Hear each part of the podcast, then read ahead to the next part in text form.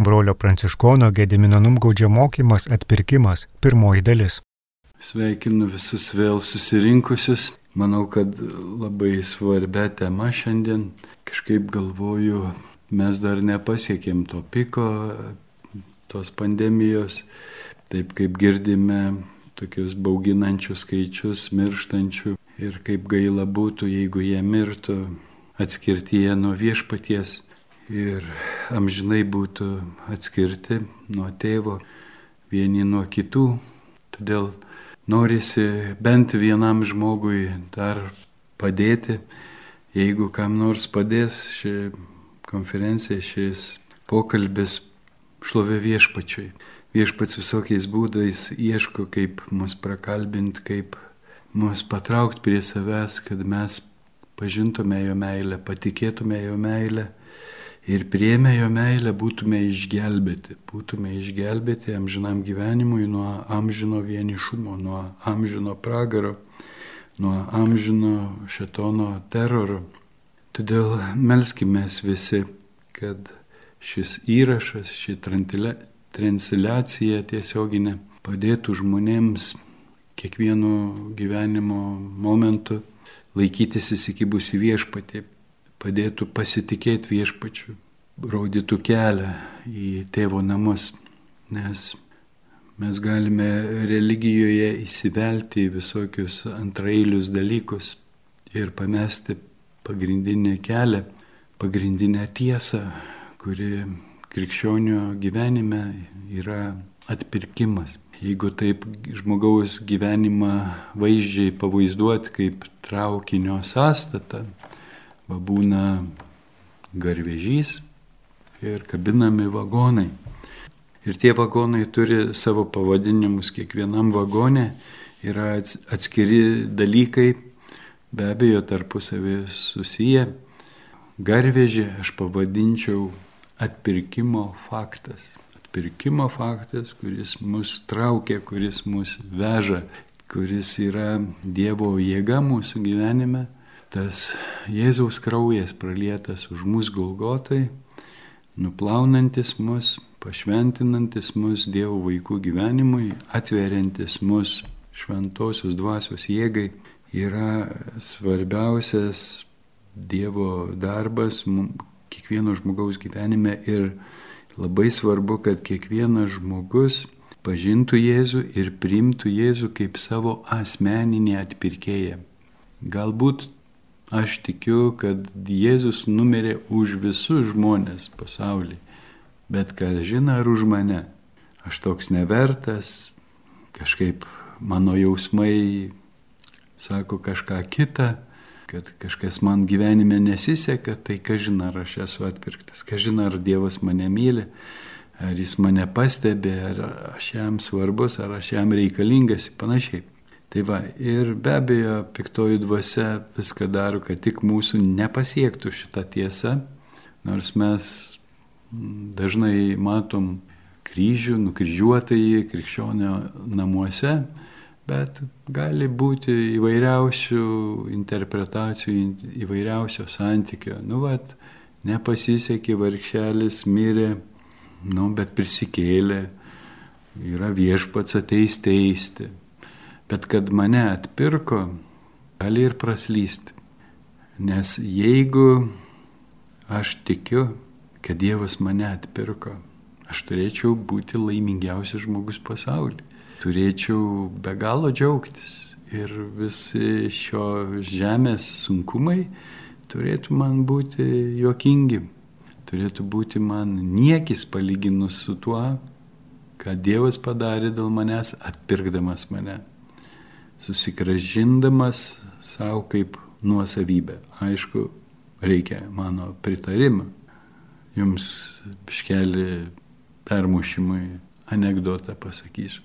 Viena žydų šeima turėjo labai tokį neklaužadą berniuką, mokyklose neapsikesdavo ir dvi savaitės ir jį išmesdavo iš mokyklos dėl nepakenčiamo elgesio, dėl nepaklusnumo. Nu ir ką daryti, ką daryti. Žydų mokyklose vaikų teisės, vaikai labai gerbiami, mylimi ir nieks nieko negali pasakyti. bet nebeapsikenčia. Nu ir sugalvoju tėvai, leisim į Jėzuitų gimnaziją, kad neliktų beraštis, nuvedė į Jėzuitų gimnaziją. Praėjo savaitę kitą ir tėvas sako sūnui, sūnau, kaip čia yra, niekas tavim nebesiskundžia. A, įkišot mane į tokią skylę. Nu, nu, kas atsitiko?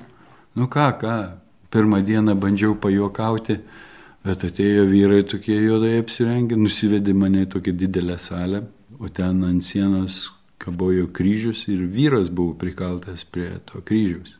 Neatsimenu, ką jie man pasakojo, bet vienas dalykas man krito į širdį. Jie parodė į tą vyruką ir pasakė, jis irgi buvo žydas.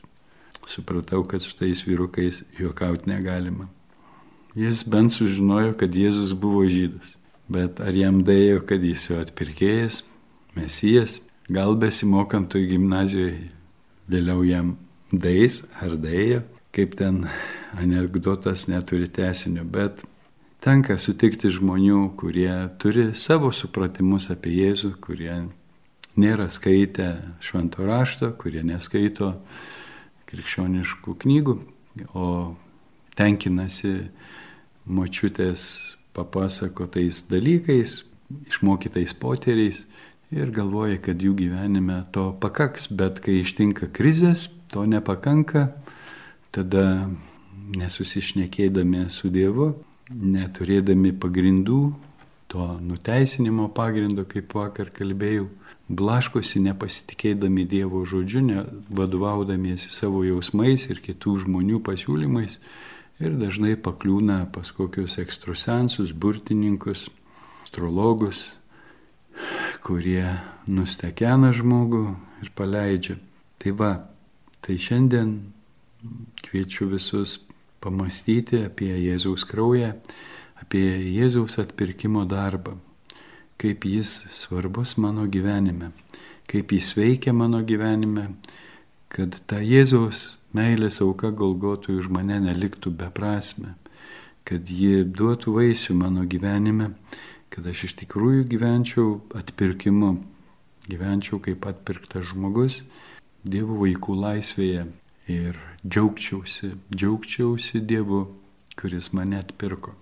Tėve, aš dėkoju tau šią dieną, dėkoju tau, kad leidai kiekvienam iš mūsų šiandien dar sulaukčios dienos. Dėkoju tau, tėve, už visą, ką esi šiandien mums paruošęs iš savo begalinės meilės.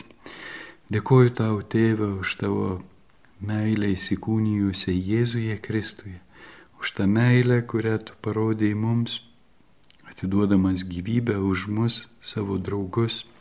Tėve, tu paukodamas savo mylimiausią sūnų, pats miršti ant kryžiaus iš meilės, padėk mums viešpatie suprasti, kokia tai milžiniška auka. Padėk mums suprasti, kaip tu esi mūsų įvertinęs, kokią kainą tu esi pasiruošęs mokėti už kiekvieną iš mūsų kad atpirktum mus iš vergyjos, kad susigražintum mus savo pavoktus, tave išdavusius, nuo tavęs atsiskyrusius, tau nedėkingus ir nesuvokiančius, ką darome. Tu taip mylimus, kaip Jėzus pats liūdija, tėvas taip pamilo pasaulį, jog atidavė savo vinginių sūnų, kad pasaulis nepražūtų, bet būtų išgelbėtas. Padėk mums viešpaties suprasti tą išgelbėjimą, padėk mums atsiverti ir priimti tą išgelbėjimą tikėjimu. Padėk mums priimti Jėzaus kraują kaip atpirkimo auką už mūsų nuodėmes, kad būtume nuteisinti, kad būtume pašventinti, kad gyventume tą gyvenimą, į kurį tu mus kvieti per Jėzaus mirtį ir prisikelimą. Tavyje mūsų viltis. Ateik šventoji dvasia viešpatie, liūdik mums, liūdik mums mūsų širdise, liūdik mums Jėzaus meilę, Jėzaus pergalę, liūdik mums, jog Jėzus yra gyvas, jog Jis yra viešpats, viešpataujantis visatoje ir nėra jam lygių, jam priklauso visa valdžia, galybė ir šlovė ir jėga. Dieve tau garbė ir šlovė per amžius. Amen. Jėzau karaliau, būk su mumis šią valandą, duok mums visą širdimi tikėti tavo meilę Jėzau, apkabink mus ir liesk mus, atverk mus, panaikink viešpatie mumise bet kokią baimę, priimti tave, atsiduoti tau taip, kaip tu esi to vertas.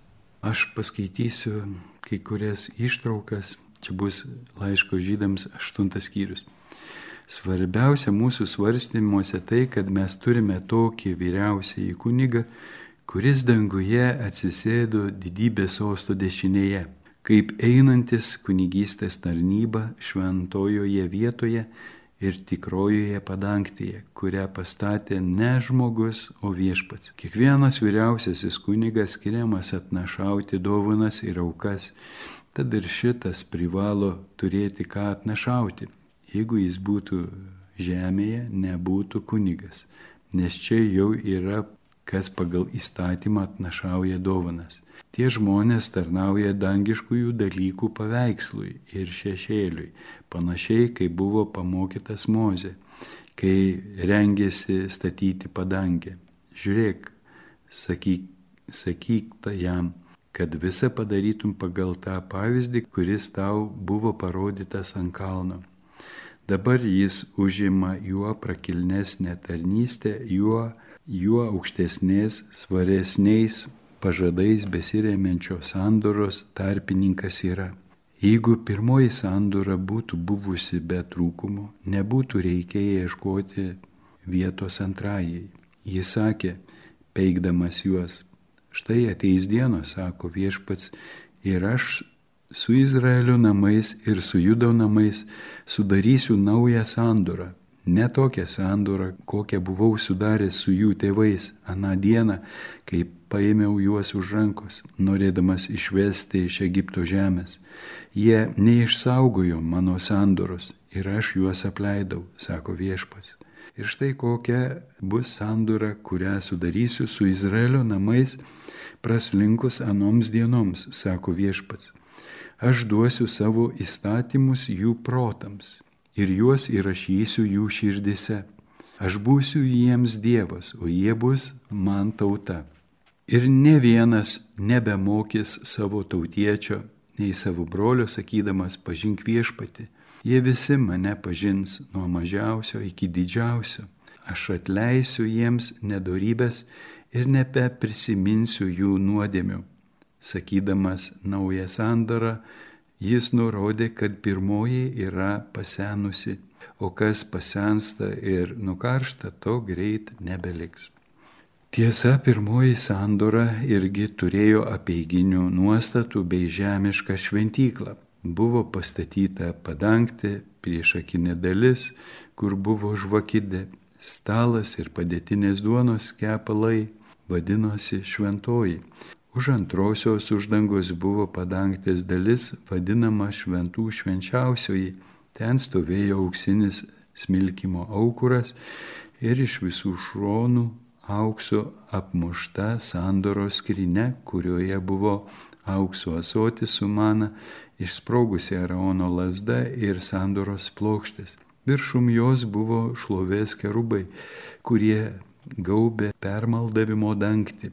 Apie tai dabar nėra reikalo smulkiau kalbėti. Esant tokiai sąrangai, į priekinę dalį visuomet eina kunigai atlikti apieigų, o į antrąją tik kartą per metus vienas vyriausiasis kunigas ir tai nebe kraujo, kurį atnašauja už save ir už tautos paklydimus.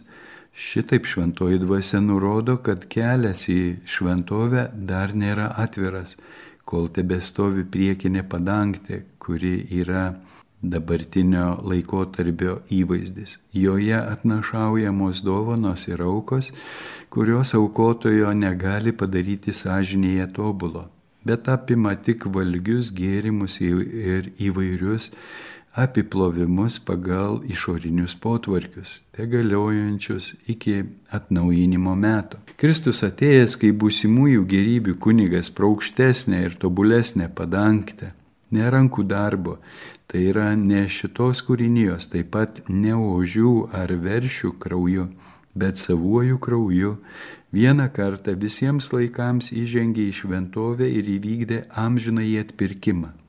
Ir jeigu ožių bei jaučių kraujas ir telyčios pelenai, kuriais apšlakstomi suteptieji, pašventina ir suteikia kūno švarumą, tai nepalyginti labiau kraujas Kristaus, kuris per amžinąją dvasę paukojo save kaip nesutepta auka Dievui, nuvalys mūsų sąžinę nuo mirties darbų, įdant tarnautume gyvajam Dievui. Ir todėl jis yra naujosios sandoros tarpininkas, kad įvykus mirkčiai, kurią jis atpirko pirmojoje sandoroje padarytus nusižengimus, pašauktieji gautų žadėtą amžiną į paveldą. Kur tik yra testamentas, ten būtina įrodyti testatoriaus mirtį. Testamentas įgyja galę mirus jo sudarytojui, o prie jo gyvos galvos testamentas negalioja. Štai kodėl ir pirmoji sandora nebuvo įsteigta be kraujo. Paskelbęs tautai visus įstatymo nuostatus, Mozė ėmė veršių bei ožių kraujo su vandeniu ir purpurinės Vilnos su izopu ir apšlakstė pačią knygą bei visą tautą. Tardamas, tai yra kraujas sandoros, kurią priimti įsakė jums Dievas. Jis apšlakstė krauju ir padangtę bei visus apieigų indus. Taip pat be maž viskas pagal įstatymą apvaloma krauju ir be kraujo praliejimo nėra atleidimo. Taigi buvo būtina šitaip apvalyti dangiškųjų dalykų atvaizdus, o pačius dangaus dalykus geresnėmis aukomis negu šitos. Mat Kristus įžengė ne į rankų darbo šventovę tikrosios atvaizdą, bet į patį dangų, kad nuo dabar mūsų užtartų, stovėdamas priešais Dievo veidą. Ir įžengė ne tam, kad pakartot tinai atnašautų save, kaip daro vyriausiasis kunigas, kuris kasmet įeina į šventąją vietą su svetimu krauju.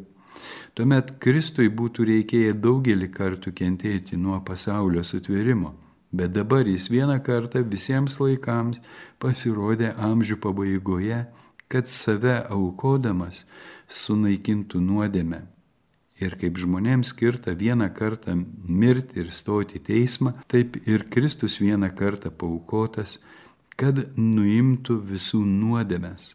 Antrą kartą pasirodys ne dėl nuodėmių, bet jo laukiančiųjų išganimui. Girdėjome palyginimą.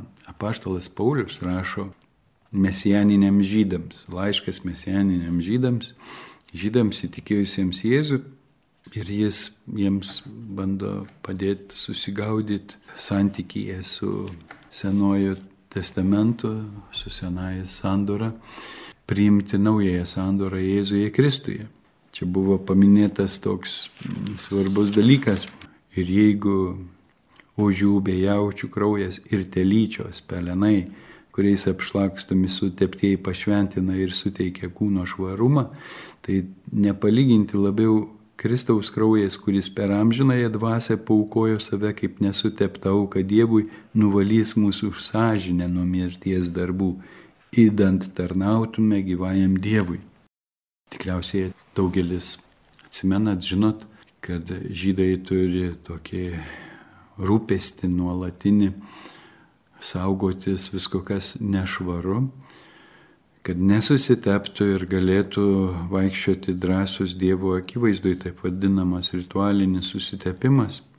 Susitepama įvairiais būdais, prisilietus prie nešvaraus gyvulio ar prisilietus prie nešvaraus maisto, bet košerinis maistas, košer, ne košer, keuliena, pavyzdžiui, ne košer, nešvaru ir jeigu žydas valgo keulieną arba prisiliečia prie keulės odos kokio nors dirbinių ar dar ką nors, kas susijęs su tuo gyvuliu, jaučiasi susitepęs rituališkai ir nebedrįsta rodytis Dievo akivaizdoj.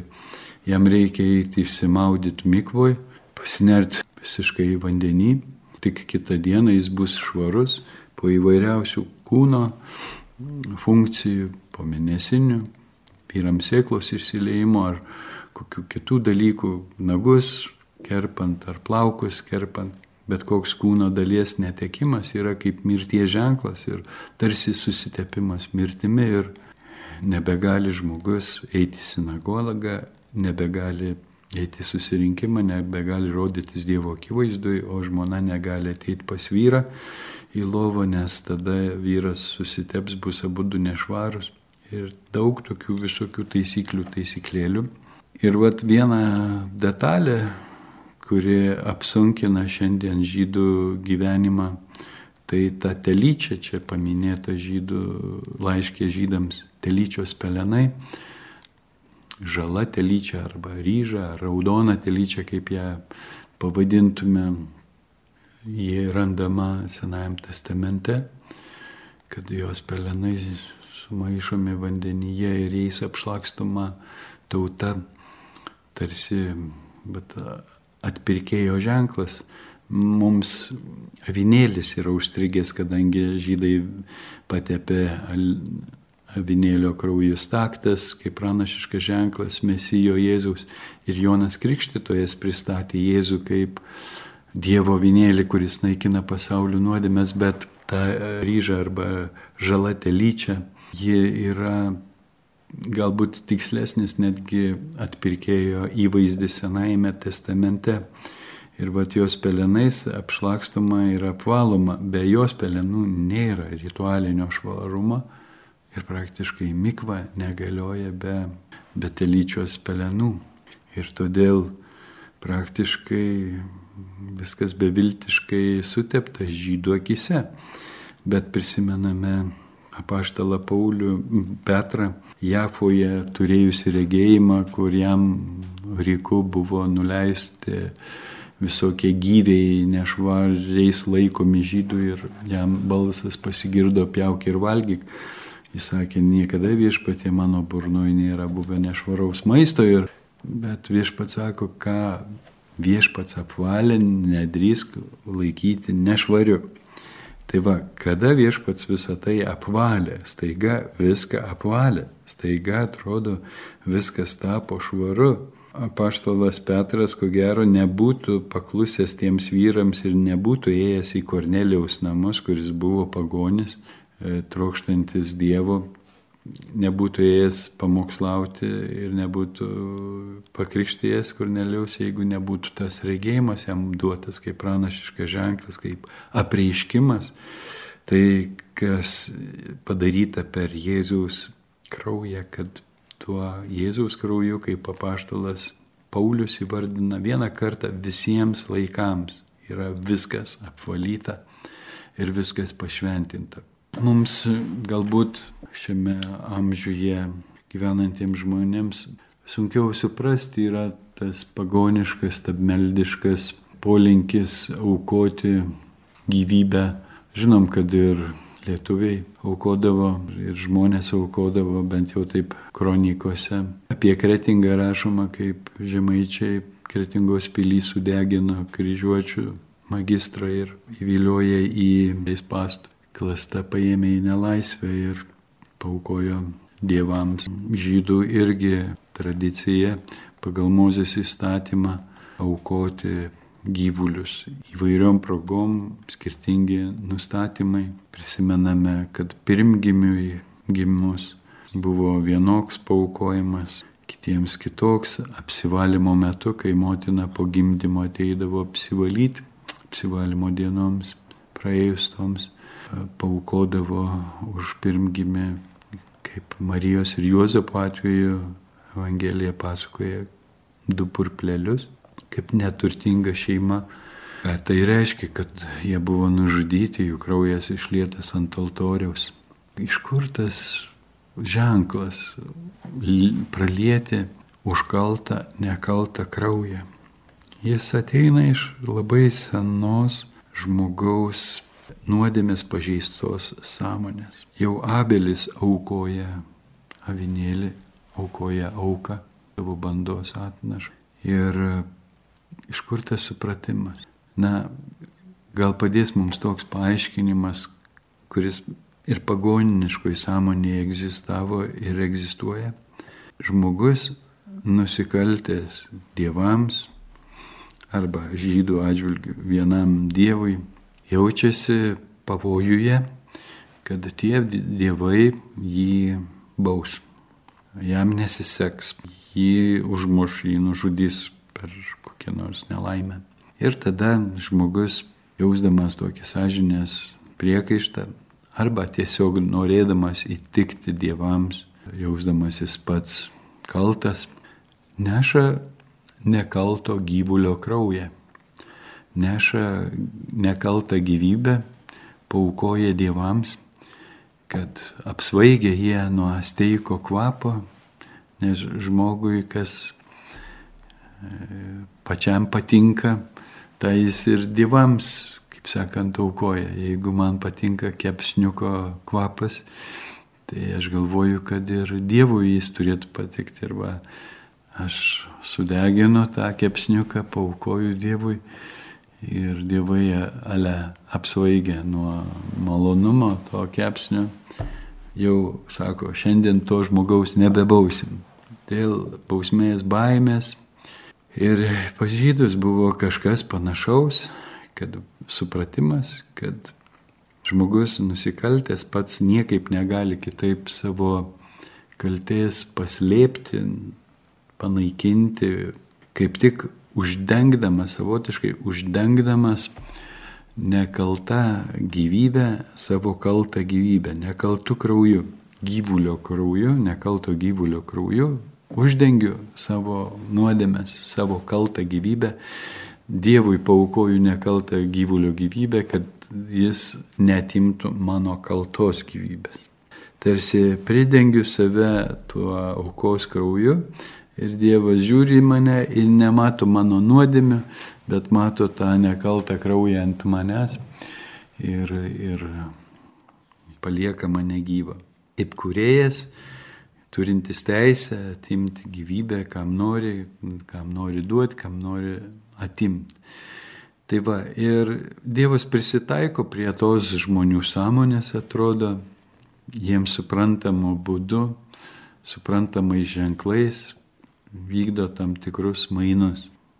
Jėzaus auka, kaip toliau dešimtam skyriui rašoma, kadangi įstatymas turi tik tai būsimųjų gerybių šešėlį, o ne patį dalykų įvaizdį, jis niekuomet negali tomis pačiomis atnašomis, kurios kasmet vis aukojamos ir aukojamos, tobulų padaryti tų, kurie artinasi prie Dievo. Taigi, kaip sakiau, negali tobulų sąžiniai padaryti, negali sąžinės nuvalyti. Tarsi kūną pridengia, tarsi paviršių nuplauna tuo nekaltų krauju, bet viduje sąžiniai tobulo padaryti negali.